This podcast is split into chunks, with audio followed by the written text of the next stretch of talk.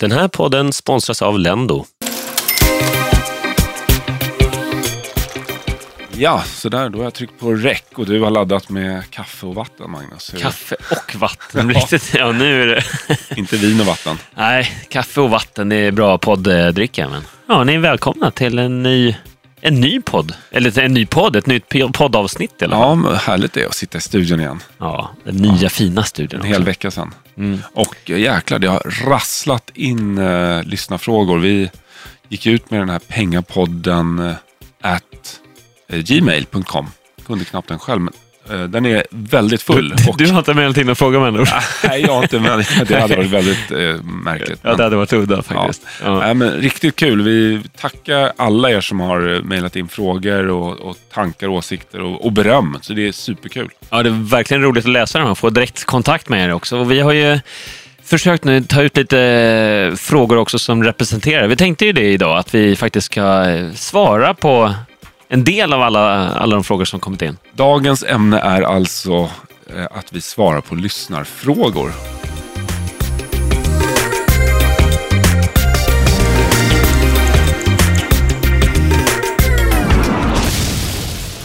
Och eh, eftersom det har kommit så otroligt många så kan vi givetvis inte besvara alla. Men vi har eh, hittat ett gäng, en handfull frågor som representerar väldigt många andra frågor. Ja, Och eh, sen har vi fått eh, förslag också på ämnen. ja precis. Jag tänkte, vi har ju fått väldigt mycket frågor också om, om fondsparande och aktiesparande. Det tänkte vi baka ihop till ett eget, eh, ett eget avsnitt om det. Ja, så alla ni som har skrivit in och haft frågor om aktier och fonder, ni kommer få ett eget poddavsnitt. Vi kommer göra ett eget eh, separat avsnitt om det, för det var så många som ville veta mer kring, eh, kring det. Så att det, det är inte med här i dagens eh, avsnitt. i dagens skörd. Nej, och det är likadant där med eh, mycket frågor kring starta eget, eh, egenföretagande, om man ska gå in som konsult istället för anställd på ett befintligt jobb och så vidare. Det tänkte vi också baka ihop, så det tar vi som ett förslag till ämne, så det kommer bli småföretagande eh, Ja, en ja. episod framöver här. Ja, det, blir, det, är så, det är så brett och det finns så väldigt mycket att, att prata om där. Så att vi vill göra en separat episod om det. Så det kommer också alla ni som har haft frågor kring det. Ni är inte bortglömda, men eh, ni, tvärtom, ni kommer få ett eget avsnitt. Vi gör en egen episod kring det. Ja, precis. Och så ska vi säga att fortsätt gärna också att eh, mejla in förstås. Vi eh, det tycker det är otroligt kul att få den här direktkontakten med lyssnare. Alla, alla podd-listeners out there. Ja, och vi kan ju också säga att även om vi inte kommer sitta och svara eh, på varje inskickat, utan vi kommer ta upp det i podden och vi läser givetvis allting. Så fortsätt skicka in pengapodden at gmail.com. Ja, då kör vi igång med första frågan här och Eh, vi har fått väldigt många frågor om CSN. Rätt eller fel att ta CSN-lån när man pluggar och lite olika infallsvinklar på det, på det temat. Då. Så här är en fråga från Lovisa. Hon skriver då, hej Patrik och Magnus. Först och främst måste jag säga att jag tycker er podd är väldigt intressant och lärorik. Ni fyller mitt tågpendlande. Det tackar vi för Lovisa. Men nu till frågan då. Jag studerar på högskola och har möjligheten till att samtidigt arbeta extra. Det gör att jag klarar mig på min lön från mitt jobb plus bidragsdelen från CSN. Men jag tar fullt lån ändå och sparar hela beloppet plus den påförda räntan. Jag tänker att jag kan sätta över pengarna i aktier eller fonder med en avkastning som är högre än själva räntan vilket skulle göra att jag tjänar på det. Jag tycker även att det är bra att ha kapital att spara ihop till framtida investeringar i och med att det är så låg ränta nu. Vad tycker ni om det här? Hälsningar en 22-årig tjej som studerar service management. Ja, Jag tycker spontant att det är väldigt härligt att hon eh, tänker i de här, eh, i de här tankegångarna. Ska säga. Att hon eh, faktiskt resonerar kring ränta. Kan jag göra något ännu vassare för de här pengarna? Det visar ju att hon, hon har ett ekonomiskt tänk och det är väldigt många som är 22 år och pluggar som tar fullt studiemedel utan att blinka och, och tänka på, på om det är rätt eller fel. Så bara där visar jag att du har ett intresse Lovisa som är bra. Sen kan man ju diskutera här och det är väl det vi ska göra här för vi, Exakt. vi ska inte peka på exakt vad som är rätt eller fel. Men spontant så tycker inte vi, nu pratar jag lite för dig hör jag Magnus. Jag hör det också. Ja, du, du får, Får du säga något bra då? Ja, ja, precis. Du får komma med din input. Jag tycker att, eh, jag förstår precis ditt resonemang och det är självklart lockande att eh, ta det här lånedelen också för att att kunna med de pengarna investera och få högre avkastning än vad räntan är på själva lånet. Men samtidigt så är det ju en risk förknippat med det. Det är inte säkert att dina investeringar går bra och eh, börsen är väldigt högt värderad nu. Eh, vilket gör att fallhöjden är ganska hög och så kan det sluta med att du sitter där med ganska stora studieskulder och att det inte gick enligt plan. Så mitt korta svar skulle faktiskt vara att jag tycker du är grym som jobbar extra och eh, håller nere kostnaderna så att du slipper ta lån. Och eh, därför, om du slipper ta lån, ta inte lån. Du kommer komma en dag när du börjar jobba och då kan du börja bygga upp eh, dina investeringar istället. Så att, eh, mitt svar till dig Lovisa, det är kör på precis som nu. Håll ner kostnaderna, jobba extra, ta den här bidragsdelen givetvis. Men det, det är skönt att ta ut examen och vara skuldfri. Även om det är förmånliga studielån.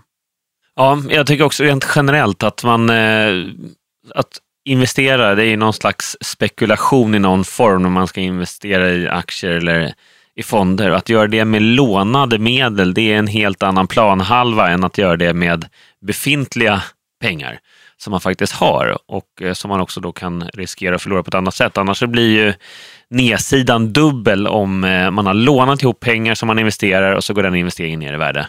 Så jag tycker också att i den livsfasen när man faktiskt pluggar så är det ju jag gillar verkligen Lovisas ambition att eh, investera. Jag gillar hennes tänk, men eh, jag är inne på samma linje där att någonstans i den livsfasen så är det bättre att se till att hålla ner studieskulderna så mycket som möjligt. Mm. Eh, snarare än att, att, fokusera på att investera. Det kommer en tid när du får första lönen och att redan då vara snabbt på hanen där och eh, börja investera, sätta av månadsspara. Ja, hon har ju definitivt rätt tänk. Alltså att hon är intresserad. Hon vill komma igång med, med sparande och investeringar, men gör inte det med lånade pengar. Nej, inte med lånade medel. tycker jag Yes, då har vi svarat eh, Lovisa där som var först ut. Eh, nästa fråga, det är faktiskt från en orolig mamma här. Och vi har fått ett gäng föräldrar som skriver om eh, oekonomiska tonåringar faktiskt. Och, mm, eh, en genomgående röd tråd. Ja, Mikaela är det här som skriver då.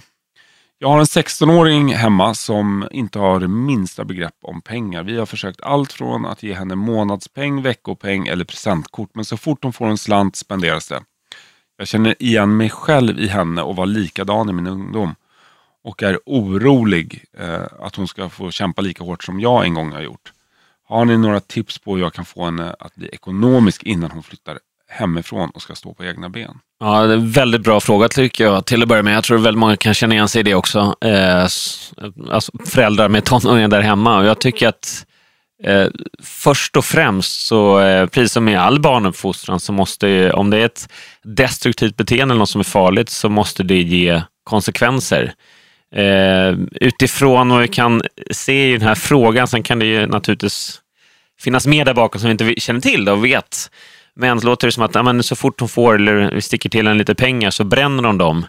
Eh, då tycker inte jag man ska sticka till några pengar, utan eh, då ska hon få klara sig med det hon har. Att det måste få konsekvenser. Det slösaktiga beteendet måste få konsekvenser. Och vilka konsekvenser tänker du då? Jag, jag, jag tänker framförallt här att om du ska flytta hemifrån så man kanske, om nu föräldrarna ska hjälpa till på något sätt ekonomiskt, så eh, kanske man får eh, göra inskränkningar i det sättet. Ja, men du kommer inte kunna flytta hemifrån eh, till sommaren, om du har tänkt, eller till hösten, utan kanske får vänta två år till.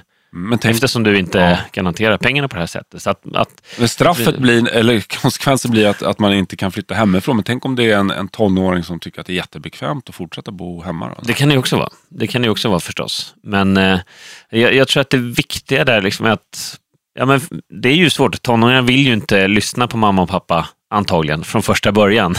Och än mindre ta eh, råd och tips och vara lyhörd för det mamma och pappa säger. Så jag förstår ju verkligen eh, dilemmat där.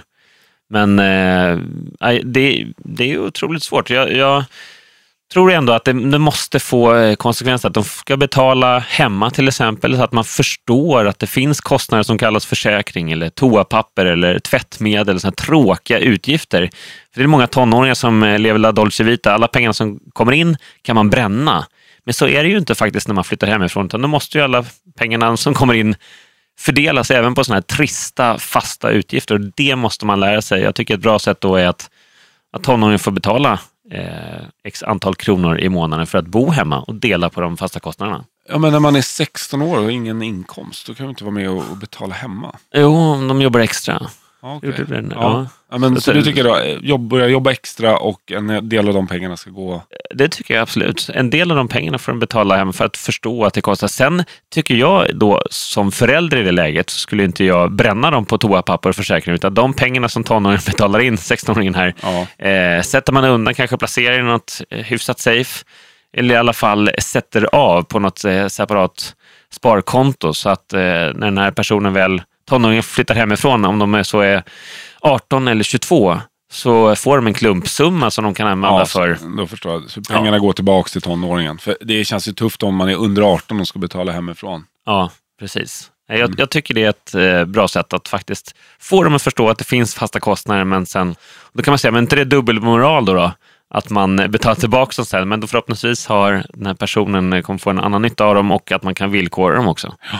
Att det här går till insatsen för bostadsrätten. Du får, får de här pengarna som en klump för att köpa möbler och startpaket. Så det, är egentligen både piska och morot då, som gäller. Att, att å ena sidan hota lite med konsekvenser och att det faktiskt ska bli tydligt vad som gäller om man inte håller i pengarna. Och, och det andra är morot, att om du sparar så har du också möjlighet att Då kan du få, ja precis. Då, då, då kan du uppnå det här. Ja, så att det blir, blir att, att de förstår syftet med det här eh, trista förslaget som mamma och pappa kommer med. Men jag tycker också inte bara hota med konsekvenser, utan det ska ju bli konsekvenser om man då missköter pengarna. Om de ska få tusen spänn för att göra någonting och så, så bränner de det på en ny jacka istället för det det var tänkt för den här tusenlappen, då, då måste det få någon slags konsekvenser. Bra. Jag har ett tips också. Då. Vad säger du då? Jag skulle Vad sätta den här 16-åriga eh, spenderaren framför eh, tvn, eh, TV3 varje torsdag 20.00 som då straff.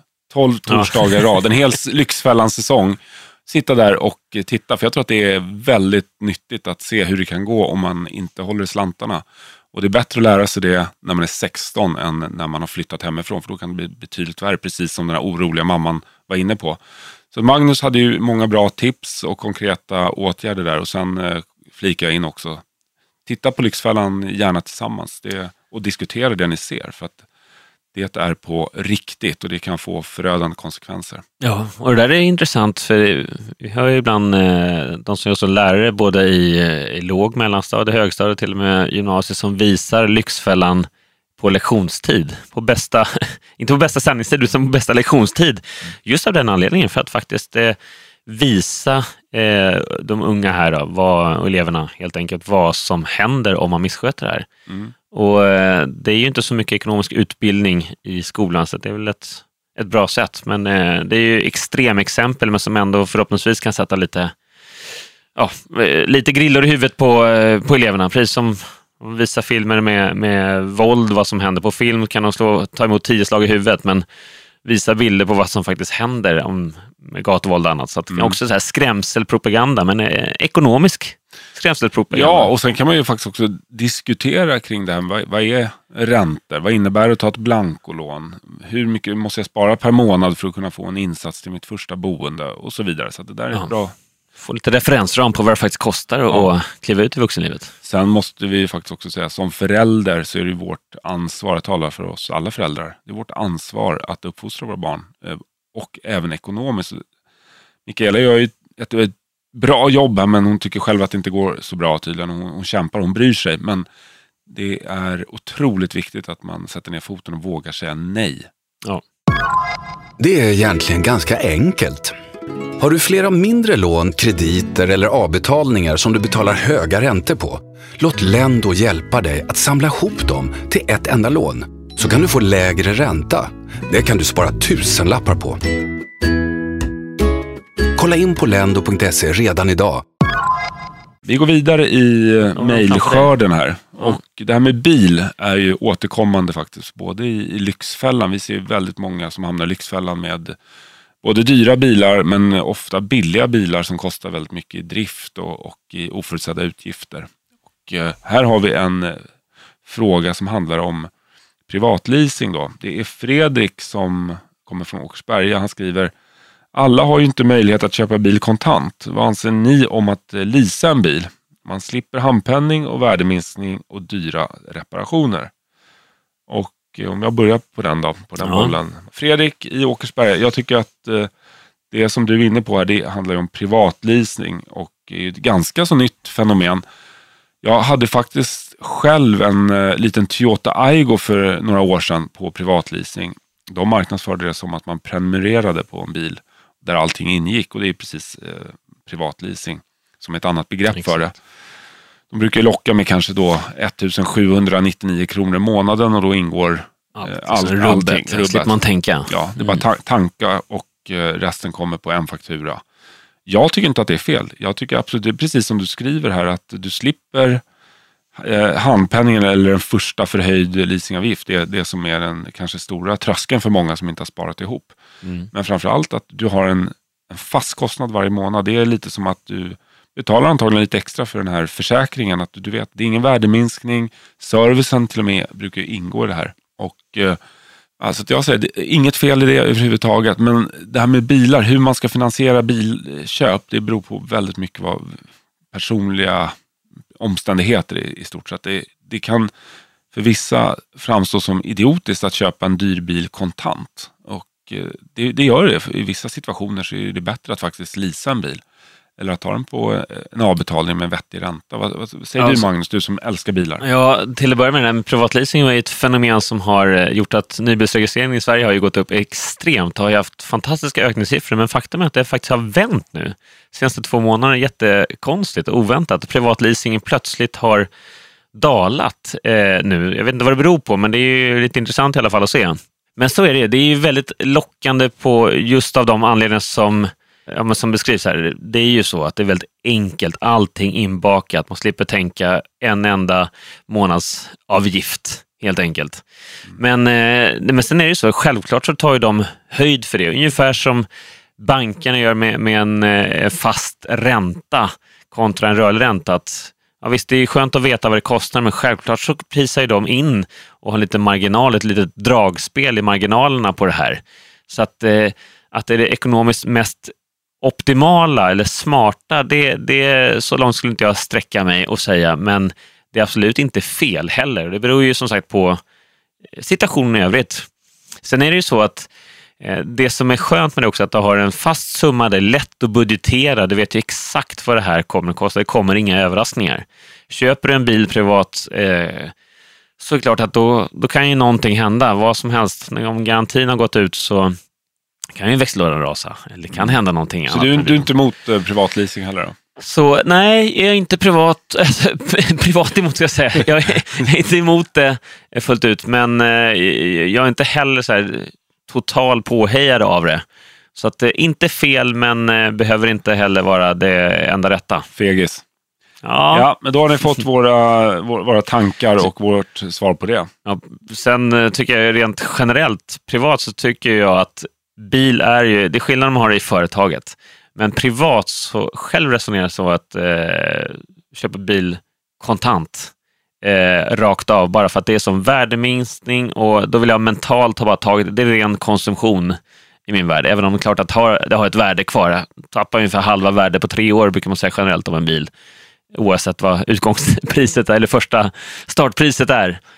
Men eh, jag tycker att det mentalt är skönt att bara röja den kostnaden. mm. Och, eh, Men det är så, det är, Ja. då, då är, har man den möjligheten, då, då är ju det att föredra såklart. Och precis som du är inne på, jag håller med dig där. Eh, Men i frågan här så var det ju då om man inte har eh, Ja. kapitalinsatsen, så att Nej. säga, kapitalet. då är det ju en annan sak. Men eh, å andra sidan kan man också titta upp på en annan bil. Men nej, det är inte fel.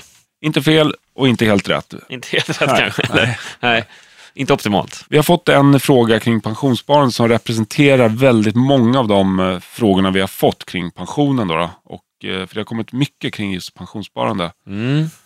Då har vi Henrik som har eh, skrivit in här och tackar för en jättebra podd och så vidare. Men själva frågan då. Jag skulle vilja höra mer om pensionssparande, hur man ska tänka när man är som jag under 40 år. Då gissar vi att Henrik inte är 20 eller 25, utan under 40 får man gissa att han är precis under 40. Då. Typ 35 plus låter det som. Ja. Ja, jag skulle säga Ja. att det handlar om någon som är 38-39. Ja. Nej, men, eh, utifrån det skulle jag säga med pensionssparande, det, det är väl det här klassiska att man eh, ska börja i tid. För ju tidigare man börjar, ju mindre eh, kan man lägga varje månad till att börja med. Ja, och det där är en ganska, eller väldigt viktig fråga, eh, just med tid och pengar. Det har vi faktiskt pratat om att vi ska göra ett separat eh, poddavsnitt om. Ja. Om tidens betydelse för, för livet Ja, och pengarna. precis. Men, var, varför tid är pengar. Ja. Men, men pensionssparande skulle jag säga, det, det är ju... Dels så måste man ju fundera på lite hur man prioriterar sitt liv. En del vill ju leva lite som vi pratade plånbokstyper tidigare, tidigare poddavsnitt här. Eh, om man lever för dagen och väljer att göra det av eh, aktivt val att leva mer för dagen och mindre för morgondagen. Eller om man är mer trygghetsjunkie och verkligen vill sä- säkerställa att pensionen kommer bli guldkantad, i alla fall trevlig. För det är ju så också att det här generella, att den allmänna pensionen kommer ju bli väldigt mycket mindre, alltså den statliga pensionen man får i framtiden.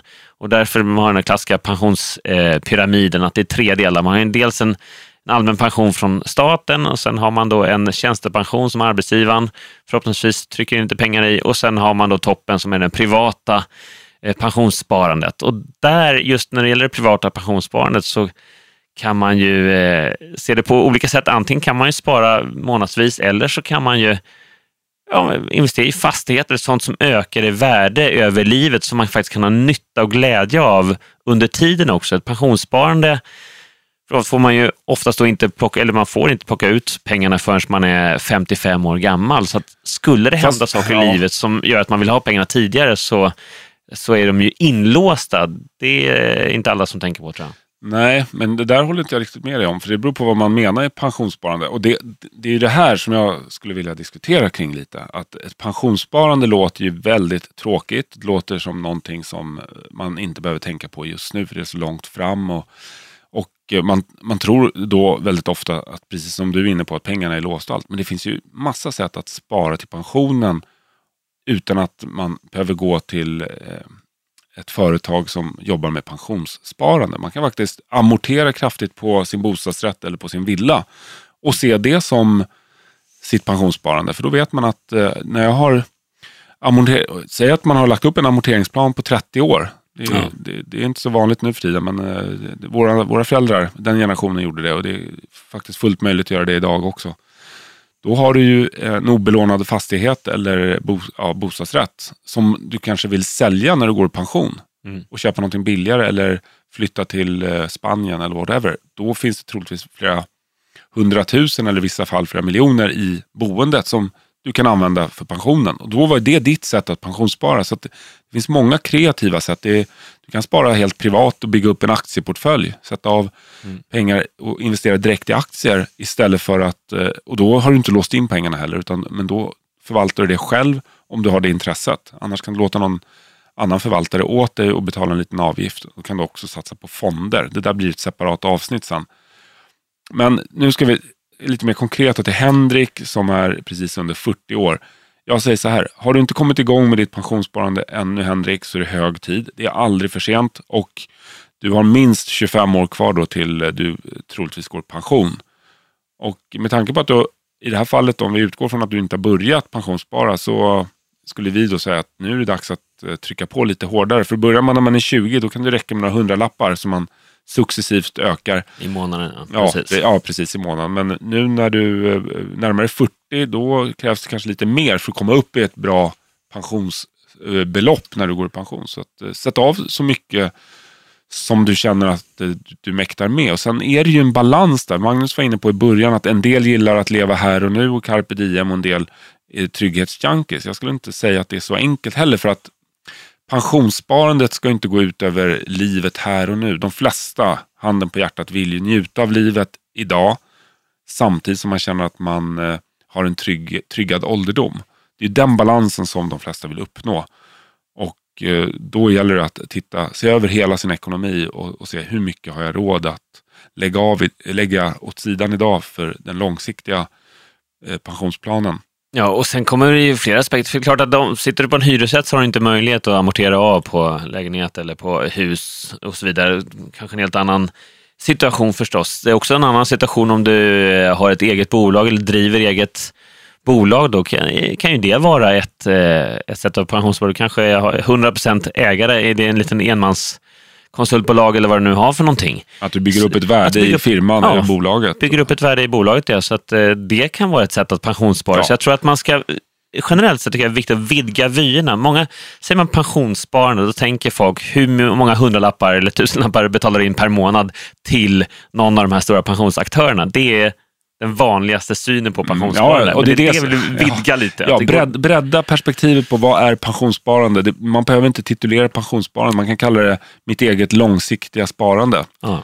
Och eh, det kan man göra på många olika sätt. då. Och det, man behöver inte alltid eh, låsa in pengarna och ta ut dem vid eh, pension heller. Nej. Amortering kan vara ett sätt. Långsiktigt sparande i fonder och aktier kan vara ett sätt. Eget företag kan vara ett sätt. Och så vidare. Och så vidare. så att det finns mycket, många olika varianter på pensionssparande. Sen tycker jag också det är viktigt att säga, det ska vi komma in på när vi pratar tid sen, alltså, men just när det gäller pensionssparande så är tiden en väldigt viktig faktor. Om du börjar pensionsspara när du är 20-25 så kan du också, om du nu sparar i fonder och aktier, kan du ta betydligt, betydligt högre risk. För du ska inte ha pengar för som 40 år. Du hinner med några både börstoppar och några djupa Ja. kriser, kanske finanskriser. Utan att det påverkar så mycket. Ja, utan att det påverkar. Men har du, har du fem år kvar till pension, ja, då måste du gå mycket mer safe, Ja, förstås. så är det. Så att det, ja, det är väl det vi kan säga här och nu, Ja. utan att göra ett eget poddavsnitt Ja, om. Men eh, som sagt, kom igång i tid och eh, har du låtit eh, det gå allt för många år, då får du faktiskt försöka pensionsspara eller lång, spara långsiktigt så mycket du bara kan per månad. Istället då för att kompensera. Och ju närmare pension du kommer, se till att eh, lägga över mer och mer räntebärande papper så att du säkrar pensionspengarna. Ja, vi går vidare och eh, så har vi faktiskt eh, Björn som jag träffade i Åre nyligen. Och eh, Björn hade inte mejlat in. Utan han hade Han- tänkt att mejla in. Jag fick frågan live och tänkte nu, ja, du får svaret nu då Björn. Verbal fråga. Ja, ja, men vi snackade om ockerränta. Vad går egentligen gränsen för ocker? För vi har ju sett i Lyxfällan och många där ute har ju sett extrema räntesatser. Mm. Särskilt då när man räknar på effektiv ränta. Tusentals procent. Det är ju- ja, tusen- 11-12 000 procent, de Ja. allra värsta. Ja, men ofta är det i alla fall flera hundra procents ränta. Och eh, oss veteligen, och nu ska vi säga att vi har inte eh, gjort supermycket research, men vi har aldrig stött på ett fall där någon har blivit direkt dömd för ocker. Det finns ingen gräns där man kan säga att aha, det här är 800% effektiv ränta. Då är det ocker och vi kan stämma dig. Så att, och det är därför det är så oerhört lönsamt för kreditinstituten nu. Det ploppar upp nya nästan varje vecka. Ja, så länge man är tydlig med det i villkor. Det måste ju stå vad den effektiva räntan är, men det finstilta är det ju inte så många eh, alltid som läser. Nej, däremot är det tydligen på gång då, som man säger inom politiken. eh, En utredning sker. Men att de tittar på ett EU-direktiv där det ska gälla samma högsta nivå inom hela EU. Men det där har jag hört talas om i ett par års Det, det har tid. snackats om Ja. det ganska länge, så att det, ja, jag vet inte vad det står. Men eh, som sagt, det finns ingen eh, krispigt klar definition på ockerränta i dagsläget. Nu har vi besvarat de frågor som representerar det absolut största antalet. Men det är självklart så att vi vill tacka alla er andra som har eh, mejlat in också som eh, vi inte liksom fick plats med här. Nej, och så, det är bara att fortsätta och mejla in, för vi kommer köra fler, eh, fler sådana här fråga-svar-varianter framöver. Ja, fortsätt mejla in och eh, vi läser allt och eh, helt plötsligt kanske vi faktiskt tar upp just ditt mejl i en av de här fråga-svar-poddarna som kommer komma ganska regelbundet. Ja, precis. I takt med att frågorna flödar in. Då. Så, eh, det var väl egentligen allt för idag. Vi, eh, Vi tackar tack. Lendo. Vi tackar Lendo också, Ja. vår sponsor. Och eh, tack Magnus för att du eh, kom hit idag med. Alltså. Fast du kom, du kom inte i tid. Du kom inte i tid. Det ska vi prata om en annan gång. Men, Ja, ja. Vi pratar om tid, ja. Om tid, Ja. om tid, tidsfaktorn. Ja. Ja. men eh, stort tack för idag allihopa där ute och glöm inte att prenumerera på Pengapodden med Patrik och Magnus på iTunes. Hej då.